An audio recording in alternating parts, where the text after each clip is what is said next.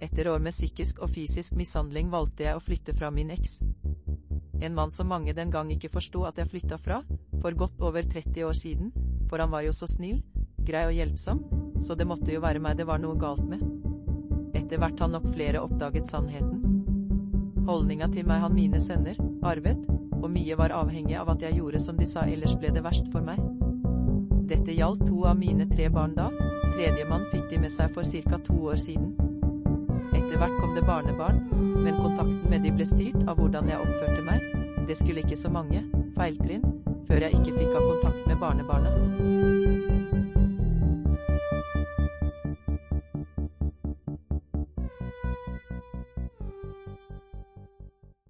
Her var da ordene eh, som vår mor har skrevet for et par år siden, eh, fra livshistoria hennes.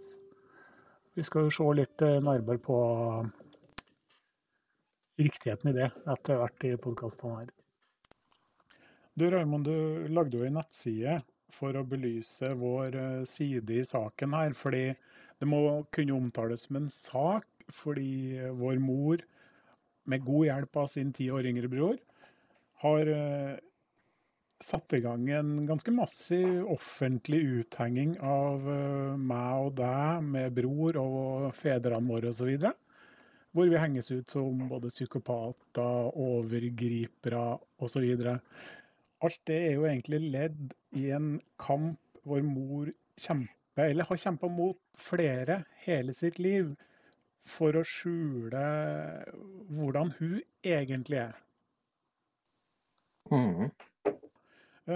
Vi har prøvd alle, i hvert fall sånn som vi ser det sjøl, alle mulige fornuftige grep for å stoppe uthenging av oss, stoppe spredning av løgner osv.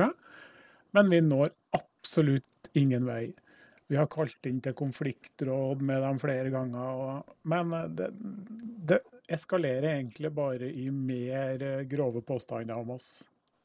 Og ikke minst eh, barna våre. Det er vel egentlig det som er hovedmotivasjonen for at vi gjør det her. Det er for å skåne barna våre for de konsekvensene vår mor utsetter dem for. Og som hun har lovt å utsette dem for helt til hun er død, faktisk. Mm. Eh, vi vil i podkasten her ta for oss uh, hendelser fra 1974-75 og fram til i dag. Uh, vi skal se både kritisk, sjølkritisk på hendelser, og ikke minst uh, på reaksjonene vi har. Vi skal granske det litt, fordi Og det er, er derfor podkasten heter Årsak-virkning. Er derfor vi vil se på virkningene av vår mors handlinger, og hvordan mor bruker våre reaksjoner som forklaring på at det er vi som er årsaken. Det er noen ganske graverende hendelser de siste årene, og da spesielt jula 2019, og handlinger fra vår mor i månedene etter det. Det er vel kanskje hovedmotivasjonen for å lage det her. Detaljene om jula 2019 det kommer litt senere, for da må vi åpne med en litt annen intro og komme med advarsler før det. Men det kommer. Vi har gjennom de siste årene samla ganske mye dokumentasjon, og egentlig mest dokumentasjon på egne handlinger. Og da eh, reaksjonene fra vår mor og onkel osv. rundt det. Det involverer Omhandler jo en haug av psykopater, farlige folk. Felles for oss alle er at vi har eh, drapstrua vår mor. Jeg tror vi har begått drapsforsøk eh, på vår mor. Det er utsagn fra hun. Uh, og det, det, er sånn, det, er ingen av oss som kjenner oss igjen i den fremstillinga. Uh, og de groveste påstandene de har om drapstrusler, det skal ha foregått i et konfliktrådsmøte fra 2012. Det har vi fullt og helt lydopptak fra, og vil jo dele på nettsidene våre. Vi vil også dele klipp av det i en av podkastene senere og kommentere rundt det. Men det vi kan klart og tydelig si, uh, den som klarer å tolke det som en drapstrussel direkte fremsatt overfor mor, den har eh, spesielle ører og relativt god fantasi. Så den eh, første livsfarlige personen eh, må vi jo starte med, og da tror jeg vi går tilbake til sånn 1974. For det her vil jo omhandle din far, Raymond. Mm. Og egentlig den første som blir omtalt som livsfarlig, vår morfar. Mm. Det forholdet mellom vår mor og din far ble på en måte aldri akseptert. Det var den store skammen i familien og førte jo til en slags konflikt mellom våre besteforeldre og vår mor. Mm. Det førte til at uh, vår mor flytta hjem til din far. Og pga. at det da var en konflikt mellom vår mor og hennes foreldre, så ble de fremstilt som farlige på en sånn måte at uh, vår mor kunne forklare at hun måtte flytte da til din far. Mm. -hmm. vår mor var da 15 år uh, da det skjedde. Hun ble jo mor bare 16 år og to uker gammel. Altså, du ble jo født da. Mm. Så det er litt sånn Når fikk du vite om far din?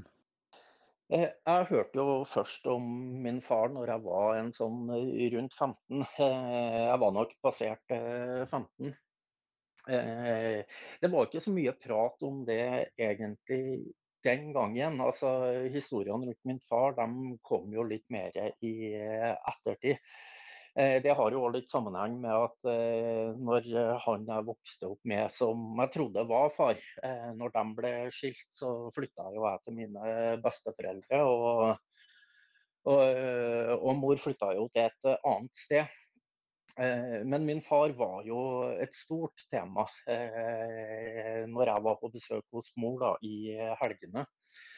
Eh, og framstillinga av eh, han, altså det, det, var jo som en farlig person. Eh, og ikke bare farlig, men som en livsfarlig person. Han var alkoholiker, han var psykopat og som sagt livsfarlig. Det er jo det historiene som først og fremst har florert. Eh, han var jo òg notorisk eh, utro, eh, slik at jeg skal angivelig, da, ifølge mor, ha en søster født på samme dag, samme år. Dette er jo ting som jeg jo selv trodde på. ikke sant? Og det er sånn, sånn, følelsesmessig Den gangen så hadde jo egentlig ikke dette egentlig noen betydning heller. Det har nok sikkert litt eh, å gjøre eh, med alder jeg var på. Eh, livsstil jeg selv hadde òg. Altså, dette er jo på et tidspunkt i livet hvor det er bare ja, hvor alt dreier seg egentlig om fest og moro. ikke sant? Så det er sånn Mesteparten av eh, Ikke mesteparten, men, men mye av historiene. Eh, det var jo på en måte egentlig bare sånn tema når det passa seg.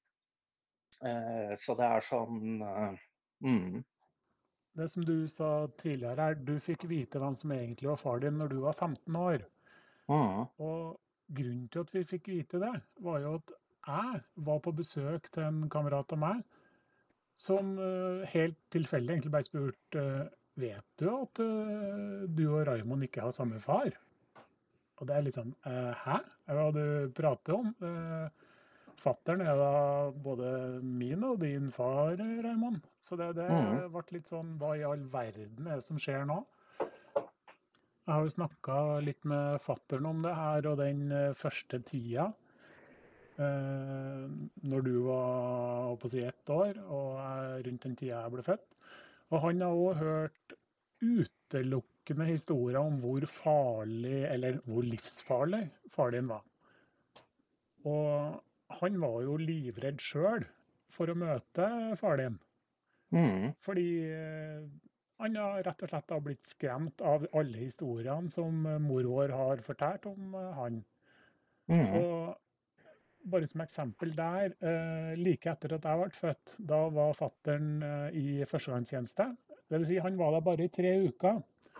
Men pga. at han var så bekymra for at eventuelt far din skulle dukke dukke opp og prøve å oppsøke vår mor og deg, så slapp han unna fordi den bekymringa påvirka han så mye at han ikke var tjenestedyktig i militæret. Så han fikk lov til å reise hjem fordi eh, far din var så farlig. Mm. Det skal sies at uh, fattern møtte jo far din noen ganger på bygda. Mm. Og opplevde jo egentlig bare en helt vanlig, trivelig fyr som aldri tok opp noe problematikk eller noen ting. Var bare en helt vanlig fyr på bygda. Så det er jo ikke paradoks, og det, vi, det gjentar seg jo flere ganger med flere personer her. At det er mange som er fremstilt som farlige, psykopater, livsfarlige osv. Men så viser det seg at nei, de er ikke helt det. Eh, jeg tenker litt sånn Alle de historiene som ble fortalt eh, sånn rundt min far, de var egentlig ikke så veldig relevant for meg den gangen. Dette er vel ting som på en måte ble mer relevant etter hvert, senere. Eh, fordi at eh, min far som sagt, han var jo framstilt som ikke bare farlig, men livsfarlig. ikke sant? Han var psykopat og i hele tatt. Altså, dette er jo min mors karakteristikk av han. Eh, og det er jo litt sånn som du sa sånn innledningsvis, så, eh, så var det jo han dette starta med. Altså, det var derfor vi, vi valgte å gå så langt tilbake i tid. Fordi at Eh, den karakteristikken av han, eh, det er jo den karakteristikken alle mennesker som har vært i livet når eh, på et tidspunkt har fått, oss inkludert. ikke sant? Så det er jo litt sånn jo eldre man ble, jo mer ble det relevant. Ja. Det er ganske relevant det du sier der, fordi det som fortelles om din far, det fortelles om eh, min far. Det fortelles om meg, det fortelles om deg, det fortelles om vår uh, fire år yngre bror. Og det fortelles om uh, vår mors bror som er jevngammel med hun. Han er to mm. år yngre og kjenner godt vår mor fra de årene ja, hun var tenåring og ble sammen med din far. Mm. Ja, Det er jo veldig relevant det du sier akkurat der. For det, dette er jo den fremstillinga som blir gjort av alle personer som, eh, som har noe annet å, å si eh, enn vår eh, mor. Eh, alle som på en måte ikke kan bekrefte eh, hennes påstander eh, slik hun ønsker, er, det jo, er jo farlige mennesker. Sånn, sånn, har det jo alltid vært. Eh, og litt av det, det, som gjør det viktig eh, å på en måte gå tilbake i, i, tid, er jo nettopp det der. Eh, for du forteller jo det, vi begynner jo å bli godt voksne vi òg. Eh, så hvorfor rote i oppvekst? Og dette er jo på en måte en av de grunnene som gjør det veldig, veldig relevant. Fordi at eh, Eh, når våre foreldre da, eh, ble skilt, eh, for det er jo sånn Din far er jo den som òg har vært min far. ikke sant? Altså, det er jo den eneste faren jeg noen gang har kjent til òg. Mm. Men det var sånn, når de da ble skilt og jeg flytta til mine besteforeldre, så var jo dette sånn at her må det velges side. Eh, jeg valgte jo da selvfølgelig eh, min mors side. Altså det var på en måte naturlig for meg å gjøre, i og med at jeg var, eh, var det barnet som ble tatt ut av hjemmet nettopp fordi at far ikke var far, ikke sant. Mm. Eh, og den splittelsen som skjer i familien. ikke sant? Altså, dette var jo ting som jeg ikke reflekterte eller tenkte over, over, i det hele tatt den gangen. ikke sant? Men som, eh, som man kan se tilbake på i dag og rett og slett eh, ikke være noe annet enn flau. ikke sant? For det er sånn eh, eh jeg har jo hatt mange støttespillere opp igjennom, mange som har bekrefta hennes versjoner, eh, hennes historier. ikke sant? Og Eh, og jeg har jo så absolutt vært eh, en av dem. Altså, jeg har vel kanskje vært den som eh, Som sånn har vært den som ja, har vært den største støttespilleren. ikke sant? Altså både det å bekrefte historier, ikke minst det å ha dikta opp historier. ikke sant? skal vi jo komme mer tilbake til senere også, fordi mm. for å ta det direkte òg, så er det absolutt ingen selvfølge at jeg og du har et godt forhold i dag. Det er vel eh, mer på tross av ting eller på grunn av ting. Ja, det er i hvert fall ja, det er vårt. Ja, altså, ja, nei, altså, jeg syns ikke det er tullete heller. Og det er, det er så absolutt riktig det du sier, fordi at eh, hvis du ikke hadde forstått det spillet på den måten som det var, for det er jo eh, et spill, dette. Eh, og dette er jo det som kanskje er prisgitt i dag, at du faktisk forsto. Ikke sant? For hvis du ikke hadde skjønt dette, Eh, så tror jeg ikke vi har hatt eh, kontakt i, i dag. Eh, og dette er jo ting som vi har prata mye på i voksen alder òg, ikke sant. Altså, det der hvordan de forskjellige rollene vi hadde, og kanskje da spesielt min rolle. ikke sant? Altså, Jeg forsto jo ikke dette før jeg selv i voksen alder Eh, selv ble ekskludert eh, av familien. ikke sant? Altså når jeg òg selv ble utsatt for eh, de samme tingene som du allerede ble utsatt for som et barn. ikke sant? Så, så, jeg tror nok nøkkelen til den kontakten vi har i dag, ligger nok mye i akkurat det der. Ja, og jeg er jo kanskje den som har vært mest aktiv i å konfrontere vår mor rundt beviselig feil påstander som hun kommer med. Og det, altså, jeg har jo egentlig flere grunner til å hate deg enn til å like deg, hvis vi ser mhm. på tenårene våre. Eh, jeg valgte jo bevisst å bli boende hos uh, fattern når de skilte seg, fordi jeg hadde absolutt null tiltro til vår mor. Og med mhm. veldig god grunn, og det skal vi også gå inn på mye mer i dybden seinere. Men eh, vi snakker jo om ei mor eh, Nå kommer jeg jo med en ganske grå påstand her, men vi snakker jo om ei mor med, som er fullstendig blotta for empati og omsorgsevne. Og som egentlig har brukt hele livet sitt på å skjule det og legge alt ansvaret over på andre, og ikke ta noe ansvar sjøl for uh, egne feil og konsekvensene av egne feil. Det er alltid andres skyld. Mm. Men for å gå tilbake til din far igjen. Fordi din far og vår mor de bodde jo sammen når eh, hun var 15 eh, og innpå 16-årene. Mm. Eh, og da hadde jo hun et ikke-eksisterende forhold til sine foreldre. Ja. Fordi de var imot forholdet. Mm. Og, ja, og aksepterte ikke det i det hele tatt. Nei, og Mm, og det, det, det, er jo sånn som jeg har blitt eh, fortalt igjen. Eh, jeg av min mor, så har jo det veldig mye med, eh, med hans familie å gjøre. Eh, ikke det at eh, det nødvendigvis var noe galt med den familien, men feil etternavn, ikke sant. Men det som du sier, Han hadde feil etternavn, var fra feil familie. Og det var, som vi sa tidligere, også den største skammen vår mor kunne påføre familien sin. Mm. Vi skal gå litt inn på hva som skjer den dagen forholdet deres skranter. Mm. For det er vel egentlig det første eksempelet vi har på hvordan vår mor fullstendig kjører et kar karakterdrap på andre. Mm. Det blir konstruert verdens største skitpakke rundt da hvor farlig han er. Hvor eh, psykopatisk, hvor utro, hvor notorisk, ja. Tulling, da. Han var. Og det var på en måte inngangsbilletten da, for, å få, for hun, for å få flytta hjem igjen og få omsorg og være et offer og ja, bli tatt eh, godt imot, da. Mm.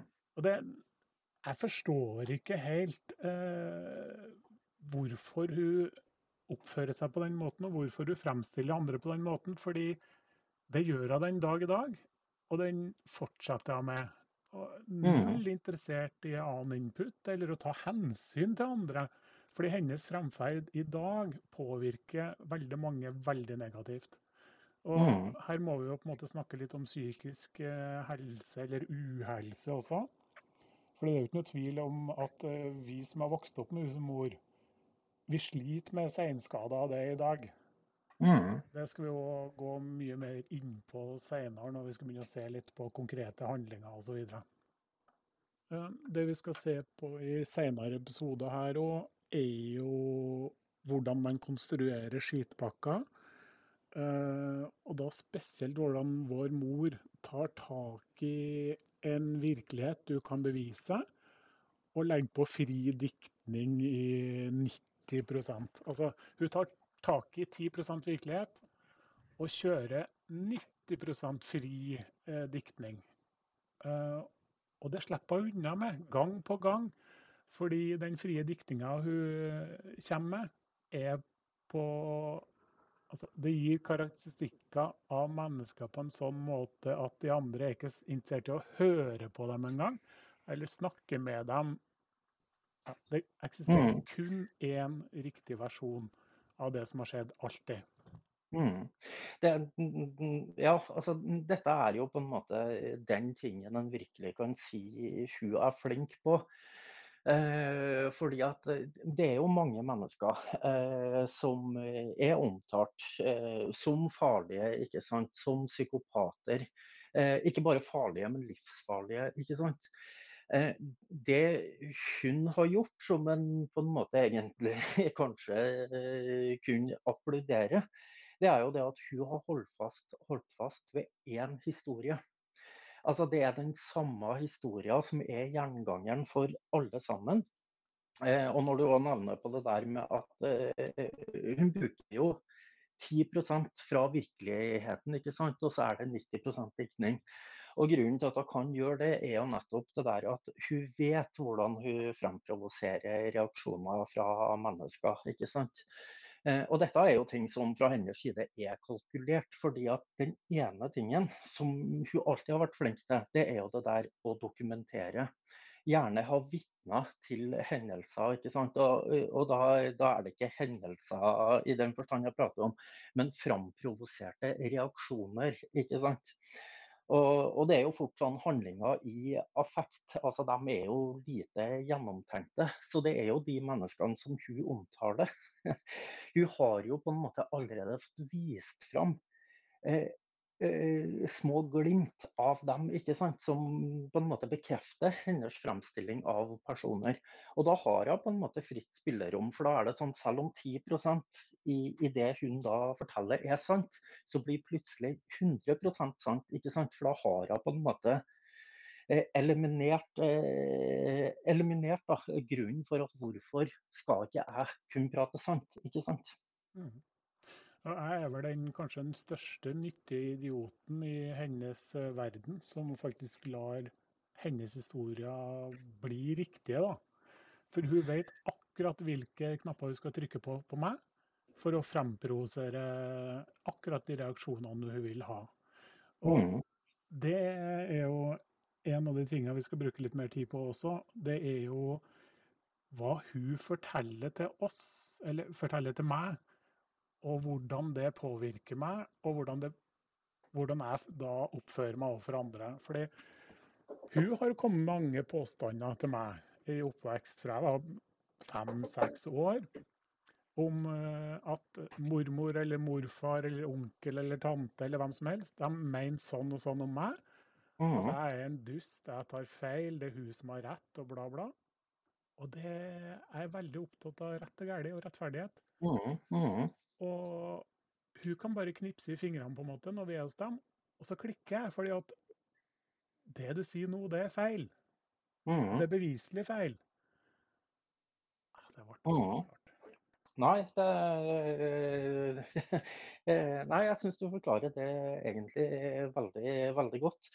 Eh, og det er jo kanskje egentlig litt det som på en måte har eh, Som, som kanskje er grunnen til at eh, du eh, på en måte ble utstøtt fra familien på den måten som du ble allerede som et barn. Nettopp fordi at du, du er opptatt av eh, altså rettferdighetssansen din. Eh, det, eh, altså, den har nok ikke bare jobba positivt for deg heller, tror jeg. Eh, eller det vet jeg jo. Eh, det er det jo mange, mange eksempler på. Eh, nå mista jeg litt her. Jeg mhm. har en medfødt feil, og det er at jeg har en ganske sterk rettferdighetssans. Og jeg er ganske handlekraftig og ønsker å løse og fikse ting som ikke fungerer. Mm. Og det er ikke så god kombinasjon, egentlig, når du på en måte er handlekraftig, problemløsende og opptatt av rettferdighet. Fordi en oppvekst med en sånn mor som vi har hatt, den finnes mm. ikke rettferdig. Nei. Men uh, i en alder av 47 år så har jeg ryggmargen min har ennå ikke skjønt det, og den reagerer sterkt på samme måte ennå. At det her er en beviselig tullete fremstilling av vår mor. Og hun kjører det som en offentlig kampanje mot oss nå. Offentlig vil si at de eh, kjører det offentlige delinger på Facebook osv. Alt det der mm. deler vi på nettsida årsakvirkning.no. Det er med to a-er. En ting vi må snakke litt om, er jo etter at uh, vår mor har flytta hjem til sine foreldre, og du er rundt et år gammel, så mm. får de jo til uh, å fremstille far din som farlig og alt det her. Og de får det faktisk til på en sånn måte at uh, de fratar han foreldreretten. Mm. Det er ganske spesielt. Eh, det er ikke bare ganske spesielt, det er eh, Ja, det, det er utrolig spesielt. Ja, og til og med på 70-tallet var det ikke noe automatikk at f.eks. dømte drapsmenn de mista heller ikke foreldreretten. Så det er noen koblinger her eh, mellom eh, våre besteforeldre og helsevesenet på den lille bygda vi kommer fra, som ikke er mm. heldig. Det skal vi komme òg mm. nærmere tilbake til når det kommer til skilsmisser mellom våre foreldre. Mm. Og at uh, da vår mor og hennes foreldre prøvde å kjøre den nøyaktig samme prosess mot uh, min far, og i forhold til foreldrerett og hvor vi skulle bo hen osv. etter. Mm. Mm. Eh, og dette er noe som er alt annet i oppvekst og på en måte og av ting som kommer fra vår mor, liksom, så er det litt sånn Hvor er det dette passer inn? Ikke sant? Eh, men det at han ble kjeppjaga fra bygda som et resultat av de historiene som ble fortalt om ham, det kan jeg forstå. Eh, og det at han ikke hadde noe innpass hos, hos meg som far, eh, det kan jeg òg forstå. Eh, så det, så det, er jo mye som ligger der. Og, og, og det med historier som har blitt fortalt meg rundt min far, så er det jo mye. altså dette er jo på en måte Nå blir jo dette på en måte egentlig vært en sånn veldig kort introduksjon av andre ting som vil komme senere. Eh, men det er mye historier som eh, har blitt fortalt eh, om min far. Og Det som på en måte er litt interessant, det har jo alltid vært det der at når dette ble kjent for meg, Eh, så er jo òg den svartmalinga som har vært ikke sant, av eh, slekt til min far. ikke sant? Eh, og det ligger nok veldig mye i det der at det er kanskje andre historier som ligger der. ikke sant? Altså Det var ting som måtte skjules for meg.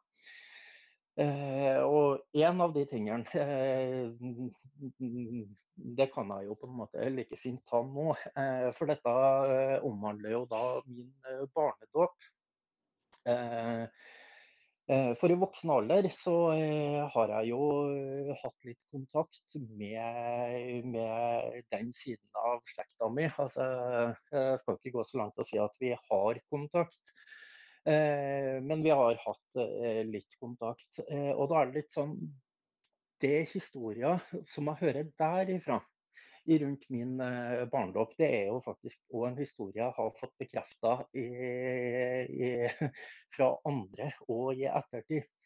For som jeg sa i sted, så var jo min far altså, han var jo livsfarlig, ikke sant. Og derfor så blir jo det jeg skal fortelle nå, litt merkelig. Eh, for i min barnedåp, eh, der kommer jo òg eh, slekt fra farssiden min, inkludert min far. Og i den barnedåpen så ender jo faktisk han og min mor opp med å forlove seg. Og det er jo på en måte Det gir jo ikke mening. Eh, men det var egentlig først og fremst kanskje ikke det jeg skulle fram til. Eh, det jeg først og fremst skulle fram til, er jo på en måte den framstillinga av eh, personer som farlige. For du nevnte jo på der at den skammen som på en måte var i, familien under den graviditeten, det gjorde jo at vår mor flytta til min far og hans familie.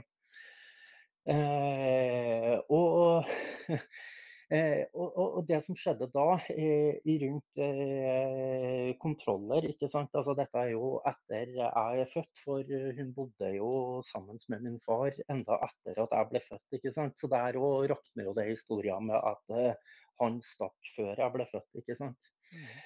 Eh, men, eh, men, det som skjedde, det var jo det at min tante Eh, var jo den som måtte ta med meg til helsestasjonen. For den gangen så var det da vår morfar, altså far til vår mor, eh, som var farlig. Som var psykopat. ikke sant? Som gjorde at eh, hun da ikke torde å reise på helsestasjonen med meg. Så Derfor så måtte da min eh, tante ta meg med på helsestasjonen. ikke sant? Så det er jo sånn eh, Vår morfar han er vel kanskje den første som blir omtalt på samme måten som min far ble, eh, som din far ble, som du har blitt, som jeg har blitt, eh, vår andre bror har blitt. ikke sant? Altså alle mennesker som eh, havner i en eller annen form for konflikt ved vår mor, blir karakterisert på akkurat den samme måten.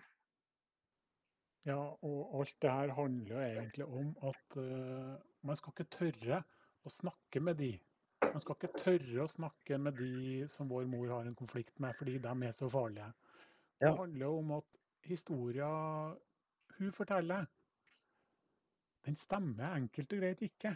Og hun gjør da alt hun kan for å sjøl ikke bli eksponert. Altså, hun mm.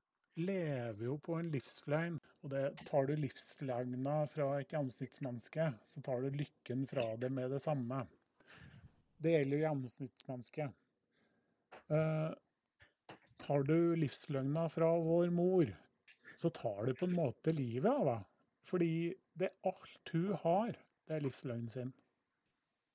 Og hun gjør mm. alt hun kan for å ødelegge de menneskene som har sett hvordan hun faktisk er, og som vet hva hun faktisk er i stand til å gjøre med andre mennesker. Mm. Der vil jo annet vi snakker om eh, både psykiske, fysiske og seksuelle overgrep utført eh, fra vår mor i vår oppvekst. Mm. Det er sånn som jeg ser det i dag. Det handler om måten å kontrollere mennesker på. Å ha full mm. kontroll.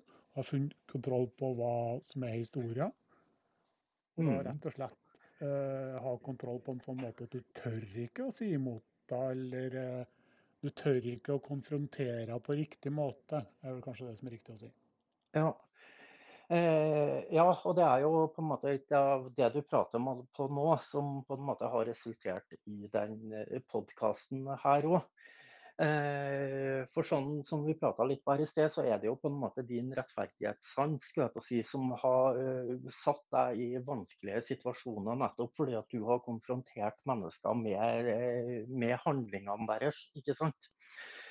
Eh, derfor er det jo du som på en måte har vært mye i, i, i kontakt med dem. Altså, du har jo, jeg skal si, Altså, I motsetning til vår mor, som eh, bare er i skyggen. Altså, hun, er jo en puppet master. ikke sant? Altså, det er jo ingen av oss som har prata med henne siden ja, gudene vet. Siste gangen vi var i, i, en posisjon til å faktisk kunne prate med henne, er jo tilbake i 2012, og det er konfliktrådet. Eh, hun er jo aldri en del av egne konflikter, det har hun jo aldri vært. Eh, og Eh, og du har jo blitt eh, en skyteskive for familien. Altså, de går jo virkelig målretta inn for å ta deg. Eh, det er jo ting som vi skal komme litt mer tilbake til. Og, så alt dette starta jo egentlig med den nettsida. Og det har jo mye med det at Eh, jeg, jeg, jeg, står jo ikke bare utafor, men jeg føler jo det at eh, veldig mange ganger så er du på en måte egentlig eh, overlatt helt til deg sjøl i forhold til det å måtte stå opp imot eh, vår mor og øvrig familie. Eh, så Derfor starta jeg jo på årsak-virkning, den sida eh, der hvor jeg på en måte ønska å egentlig publisere all den dokumentasjonen som er. For det er jo litt sånn som prata på i sted. ikke sant? Altså, hun bruker jo konsekvent 10% sannhet i alt hun foretar seg. Eh, og det gjør det fryktelig vanskelig, for så lenge ting på en måte kan spores til en virkelighet, så blir, blir det på en måte automatisk en sannhet av det. Eh, og det er jo veldig mye av det som de deler ikke sant, i sosiale medier. Og, og, i hele tatt så er det sånn de forholder seg til bruddstykker av en virkelighet. Eh, så det som var viktig for meg når jeg satte meg ned med dette, det var jo det å på en måte få kartlagt, altså lagt opp den tidslinja. ikke sant, Få ut eh, hele historien. Ikke bare det som nødvendigvis skulle gagne meg eller deg, men å vise hva dette faktisk dreier seg om. Eh, og dette er jo så mye og det er så omfattende at eh, når du da nevnte på at eh, dette kunne ha blitt en bra podkast, så var det jo ja, selvfølgelig. Da lager vi den podkasten, og så bruker vi den sida for å legge ut dokumentasjon. Jeg har bare lyst til å ta én ting. fordi noe av det vår mor kjører mest aktivt på, det, og vår onkel, ikke minst, eh, det er jo hvordan vi da aktivt bruker våre barn for å nekte hun kontakt. Vår mor da, hun er jo som lyn fra klar himmel, fullstendig uten skyld i at hun ikke har kontakt med sju av sine barnebarn i dag. Mm. Det er vi da i samspill eh, De som da kjemper kampen mot vår mor, ifølge hun, det er da meg, deg, vår fire år yngre bror, vår onkel, min far. Jeg er litt usikker om det er flere, men vi driver da verdens største konspirasjon for å ta vår mor. Mm. Det er ganske absurd i seg sjøl. Eh, det, det, er det. Eh, og det er jo litt sånn eh, Hva skal en si? Altså, det, det, er som du sa, vi, vi, vi, har prøvd så mange grep for å få en slutt på den offentlige uthenginga. Altså, vi har jo blitt såpass gamle at det skal jo sies at det, det er jo ingen av oss som har noe interesse av en forsoning. Eh, med den delen av familien. Men vi vil ha fred, og vi ønsker å skåne våre, våre barn for den galskapen. For dette er ingenting annet enn eh, galskap. Og, og, litt av det som en ønsker å, å, belyse i dette, det er jo de virkemidlene som blir tatt i bruk. ikke sant? Fordi at Hvis en ser mye på de delingene som blir gjort, altså det, den offentlige uthegninga, Eh, av hvordan mennesker som oss opererer, hvordan vi bruker våre barn for å straffe dem. Hvorfor mennesker som oss ikke kan elske våre barn. ikke sant? Altså, det er jo så absurd. Eh, og det er jo eh, og Det er jo litt av det som kanskje, i hvert fall for meg, er på en måte det viktigste å, å få fram. Og det er jo øh, hvilke virkemidler er det de faktisk bruker. Hvem er det som gjør de tingene som vi blir beskyldt for å gjøre? ikke sant? For det er jo sånn, det er jo ingen av oss som noen gang har foretatt oss eh, de tingene som de gjør, ikke sant? Nei, det er ganske spesielt. Men det er jo der dere ordtaket på seg sjøl kjenner man andre. Ja. får litt eh, betydninger. Fordi Ja. vår mor tror jo at uh, vi er sånn som hun er. Mm. At vi behandler våre barn sånn som hun har behandla sine. Det er jo det hun Ja. tror, og det er jo det hun prøver å fremstille. Ja, og det har jo vært en sånn gjentaker i, i veldig mye som vi har sagt i mange sammenhenger. For det er sånn Det er akkurat det du sier. Altså, uh, hun tror jo vi er som hun, ikke sant. Altså, det er jo dette som gjør det så sykt, og, og samtidig som gjør det så vanvittig vanskelig, eh, rett og slett. Så Og ja. Nei, men jeg har lyst til å ta opp eh, litt konsekvensene med å konfrontere hun. Fordi mhm, eh, det er jo ikke til å legge skjul på, det var mye krangling gjennom oss når vi var små. Det Mhm. handla jo veldig mye om penger. Vi hadde veldig dårlig økonomi. Vår mor hun jobba nesten aldri. Fattern hadde til enhver tid minst to jobber. Og husbygging og alt gjorde at han var, hadde vel ikke energi igjen til oss i det hele tatt. Eh, Nei. og ja, mye krangling. Mye krangling om penger. Mye krangling om uvettig bruk av penger fra hennes side. Eh, som var på en sånn måte at ofte så ble vi putta i bilen og måtte kjøre hjem til hennes foreldre fordi det var så ubehagelig hjemme. Eh, mhm, men fellesnevneren der er jo når vår mor forteller om grunnen til at vi kommer ut dit. Mm. Grunnen til at de har krangla. Det stemmer Mhm. ikke med virkeligheten i det hele tatt. Nei. Og jeg er jo så dum at jeg protesterer på det hun forteller da.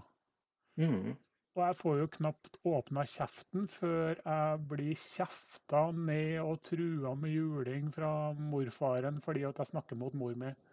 Mm. Og det er ikke måte på hvor mye jeg får høre fra mor mi om hvor dust og håpløs og drittunge de syns jeg er. Og det er jo Mhm. noe vår mor forteller på tomannshånd. eh, i ettertid. Mhm, mhm. Og, så jeg har, jo, jeg har jo aldri hatt tillit til dem. Og jeg har egentlig aldri tort å ha noe særlig kontakt med dem heller. fordi at jeg sitter igjen med opplevelsen at de syns jeg er en skikkelig tosk, og de misliker meg. Og det er jo egentlig hovedsakelig på, basert på hva vår mor har fortalt til meg og til dem. Så Mhm. at, eh, de er jo fullstendig uinteressert i å høre på meg og hva jeg har å si. Mhm. Det prøver jeg å ta opp noe med dem. Eller jeg har aldri gjort det, for jeg tør ikke. Men hvis andre prøver å ta opp noe med dem, så Mhm. blir de bare avfeid. De vil ikke snakke. Nei. Og det beste eksempelet på det, det stammer fra 2020 og vår yngre bror, hvordan han ble behandla av sine besteforeldre. Ja. Eh, Det er en ganske grov historie som eh, vi må nok vie en eh, par episoder, det tenker jeg. Ja, altså det, der har jeg jo på en måte bare lyst til å skyte inn at det eh, han blir utsatt for der, eh, er jo egentlig grunnen til at eh, vi sitter her nå i dag og prater om dette i en podkast sånn som vi gjør. For det han opplever der på så kort tid, er, faktisk ingenting annet enn å, å, å karakterisere som rett og slett sinnssykt. Eh, Det er så ondskapsfullt at det, det, der har jeg virkelig ikke ord. Nei, fordi vår yngre bror der, han, eh, han er jo fire år yngre enn meg, da, og seks år yngre enn deg. Mm. Han har vært eh, gullgutten til mor eh, opp igjennom. Han har på en måte vært på Eller han har ikke vært på hennes side, det er helt feil å si. Nei. Men uh, han er konfliktsky. Han liker ikke konflikter og gjør det han kan for å unngå at det skal være konflikter. Uh, det skal vi òg si mer om senere. Det blir litt mye å si ting om seinere, men sånn er det. Ja, det, dette blir jo på en måte egentlig først og fremst bare en sånn introduksjon, altså en smakebit på, på hva som kommer, eh, rett og slett. For det er sånn, skal han begynne å gå inn i alt dette nå, så blir vi sittende og skravle i ukevis, og det har ingen av oss tid til. Men det som er interessant for vår yngre bror her, det er jo at eh, han tar hun i en direkte løgn i mars 2020. Og på tre måneder så gjennomgår han det vi har gjennomgått i 45 år. Han går fra å være den gode, greie, ordentlige gutten i familien til Romor, til å være en livsfarlig psykopat. Som vi har da manipulert og styrt og kontrollert. Eh, og det er da godt hjulpet av hans nye kone, da, ifølge historien de deler offentlig. Mm. Eh, det her er jo bare helt tullete. Eh, og ja, det blir gjenstand for eh, minst én episode senere. Ja. Jeg har bare lyst til å skyte inn i den sammenhengen der. Eh, fordi at eh, i forkant av, av at eh, vår bror da, tar opp dette, Eh, så advarer jo du han på forhånd om hvilke konsekvenser dette kan få for han. Altså, det, du, rett og slett fraråder dem å gjøre det. Nei, eh, hel... Eh, veldig konkret, og ikke konfrontere ja. vår mor med noen ting som helst. Ja, heldigvis, heldigvis så uh, skjer dette på, på, uh, på en chat på Facebook, så dette kan faktisk dokumenteres.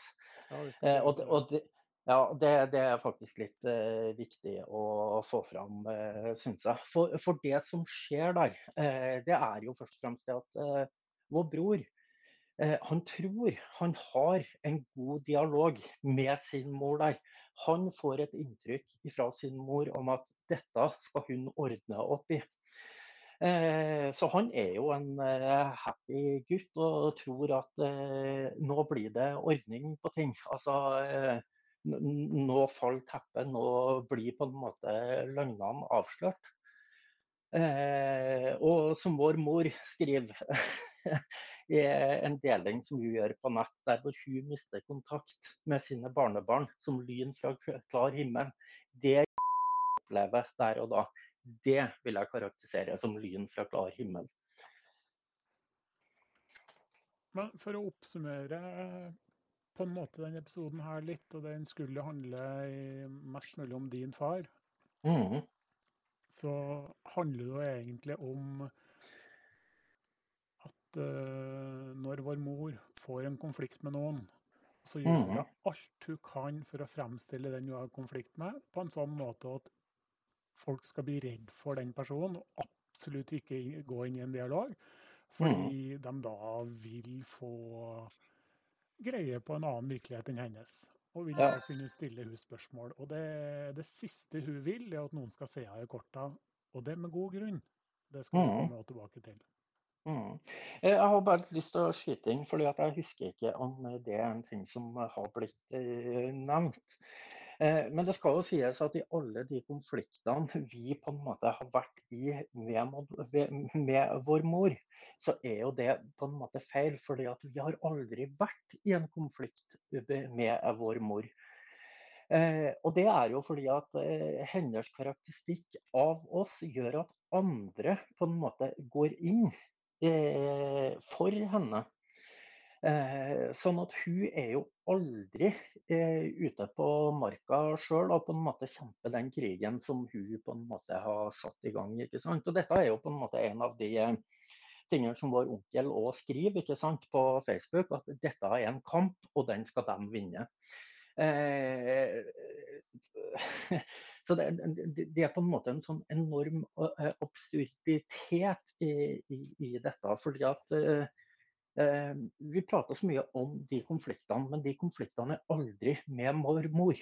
Det er alltid andre som er ute på en måte for å forsvare, ikke sant. Og, og, og dette er jo på en måte òg en konsekvens ut av eh, de personene vi er framstilt som, ikke sant, som så farlige. Altså Der hvor vi drapstruer, ikke sant. Altså Vi er beskyldt for drapsforsøk. Eh, og dette er jo på en måte en interessant ting. fordi at eh, altså, Sånn har det jo vært siden vi er barn. Eh, vi begynner jo å nærme oss 50 vi òg, ikke sant.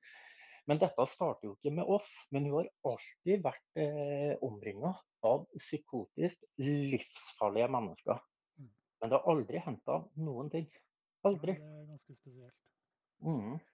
Men bare for å ta det, eh, grunnen til at vi havner i konflikt med folk rundt hun, det er jo fordi at eh, en gang man konfronterer henne med et eller annet konkret, så gjør hun alt hun kan for at saken skal handle om noe helt annet. eh, det skal i hvert fall ikke handle om det vi konfronterer hun med. Nei. Og det skal handle, for dem rundt så skal det handle om hvordan eh, jeg oppfører meg, og Mhm. hvordan jeg reagerer. Og det skal handle om påstander hun fòrer de kamphanene sine med, som jeg må forsvare meg mot, eller andre må forsvare seg mot. Mm. Og, Mm. Ja. Ja. Eh, Dette er jo faktisk en av de eh, interessante tingene som òg vil bli delt på nettsida. Eh, altså der hvordan ting endrer seg fra å dreie seg om én konkret ting til masse andre ting. Eh, og ikke bare det, men altså, sånn, i ditt tilfelle da, så er det jo veldig mye tilbake til hvordan du var som barn. Eh, og, og, og det er jo en ting som en på en måte kan undre seg litt over i, i dag. Og det er jo litt sånn Du var et barn. Altså, hvor var mor? Hvor var besteforeldre? Hvor var omsorgspersonene? ikke sant? Hvem var det som skulle ta vare på deg? Hvem var det som skulle ta vare på meg andre? ikke sant? Altså, det er jo en så enorm absurditet i, i dette. Nei, det er jo et sånn uh... Man kjenner jo det at med en gang man begynner å prate i de tingene altså det, er, det er så enormt mye. ikke sant? Så det er sånn, Jeg har på en måte full forståelse for at, uh, at kanskje nødvendigvis eh, ikke alt hva vi prater om eller alt hva vi sier, nødvendigvis gir mening. Nei, det kan bli Men- litt sånn flyktig eller flytende. Ja, det, det er litt sånn redd for det. Så forhåpentligvis så er jo det ting som på en måte vil forbedre seg likevel etter hvert. Men eh, der igjen så har vi jo som sagt eh, nettsida årsak-virkning med to a-er. Arsakvirkning.no. Eh, der er det òg muligheter for å, å stille spørsmål. Og, det, og er det noen som gjør det, så skal vi svare så godt vi kan på det, selvfølgelig. Det er, det er, vel egentlig kanskje det, det jeg har lyst til å si sånn i rundt uh, akkurat det der. For det er, sånn, det er vel kanskje en av de tingene som er litt sånn Som jeg ser på uh, til vår fordel i dag, da. Som på en måte var vanskelig før. ikke sant? Og det var jo nettopp det der med å være ærlig om ting. ikke sant? Uh, og når jeg da sier ærlig, så er jo det først og fremst rundt egne handlinger, ikke sant. Altså, de barrierene er jo borte i dag, så det er sånn ja, så, så, lenge vi kan svare, så, så, så, skal vi svare. Ja, og dere kan legge inn spørsmål her ved å bare bruke navn eh, anonym som navn. Og bare anonym at årsakvirkning.no som e-postadresse, og bare skrive melding. Så trenger, Mm. Her kan dere være absolutt anonyme. Ja, det er, eh, ja, det er anonymitet er helt greit. Så absolutt. Ja, og lenke til nettsida også i infoen til podkastepisoden her. Eh, som sagt, det er litt eh, flytende, men vi vil gå atskillig mer i dybden og mer konkret inn på hendelser i senere episoder. Mm. Eh, også viktig å legge til at eh, påstandene kommer om eh, enkeltpersoner her. Eh, de vil få muligheten til tilsvar, og eventuelt tilsvar legger vi inn på slutten av eh, episodene, eventuelt som ren tekst på nettsida. Takk for eh, at dere hørte på, og så still spørsmål, og så er vi plutselig tilbake. Mm. Ja, det er eh, Jeg er litt sånn spent på hvor eh, det, ja, hvor lett det er på en måte å fange opp en tråd